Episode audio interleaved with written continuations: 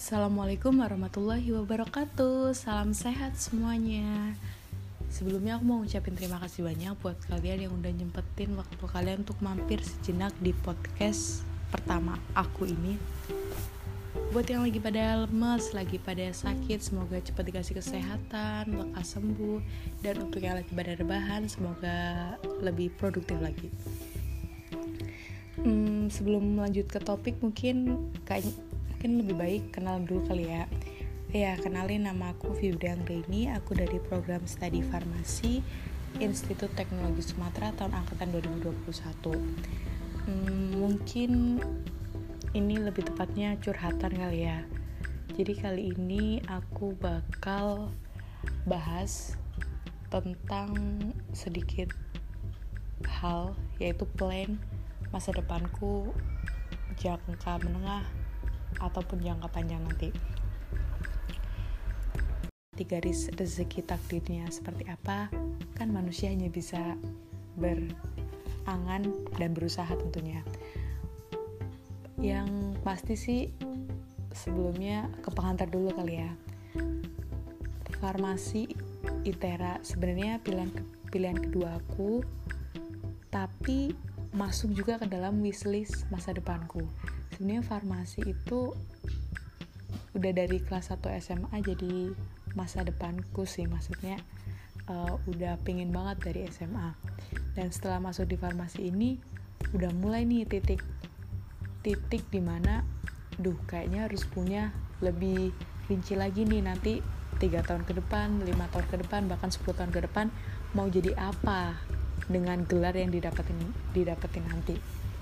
Yang pastinya untuk plan masa depanku di jangka pendek ini pastinya yang pertama pengen dapat IPK yang baik sih mestinya. Walaupun belum tentu bisa mendapatkan yang terbaik yang pasti pengen dapatin IPK yang baik dulu. Terus bisa jadi mahasiswa yang aktif baik itu dalam kemahasiswaan organisasi ataupun di kelas tentunya. Dan yang pasti berusaha biar bisa dapet beasiswa sih untuk jangka pendeknya ini dan untuk jangka menengah mungkin 5, 4 sampai 5 tahun ke depan pinginnya bisa lulus kuliah tepat waktu lulusan terbaik mungkin agak sedikit. Susah-susah gampang terus dimudahin untuk bisa ambil profesi apotekernya. Dan yang pasti di plan yang jangka panjang ini yang pastinya kalau semoga ada rezeki pengen lanjut S2 karena emang cita-cita dari dulu tuh masuk farmasi sebenarnya yang pertama pengen banget jadi dosen farmasi. Bukan pengen kelihatan keren atau apa gitu ya cuma uh, kayaknya jadi dosen farmasi itu kayak udah nggak tahu tiba-tiba kebayang jadi dosen ya walaupun emang jadi dosen itu perjalanan.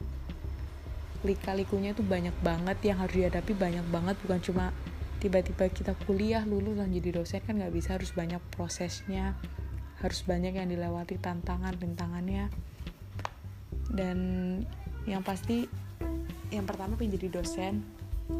Terus yang kedua pengen kerja di di departemen kesehatan itu si Bepom, kimia farma atau apa gitu. Yang pastinya ya kita manusia kembali lagi ya cuma bisa berangan ber cuma bisa ya mengharapkan manis-manisnya tapi harus siap juga sama kepahitan hidup ini. Karena ya jujur dulu itu sebenarnya pingin banget waktu SMP jadi guru terus tiba-tiba jadi dokter.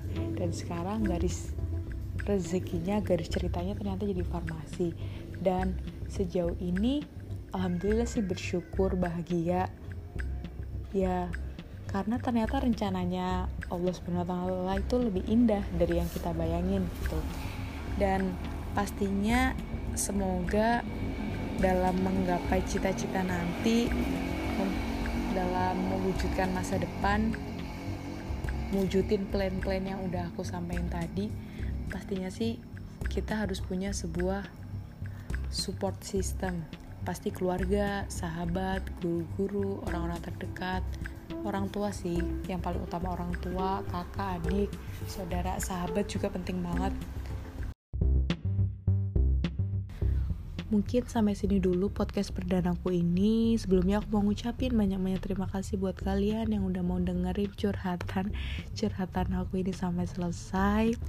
Pokoknya intinya semangat buat kalian sedang berjuang, semangat juga buat aku yang sedang berjuang menjadi maba di masa pandemi ini buat kalian semua yang mendengarkan. Pokoknya tetap semangat.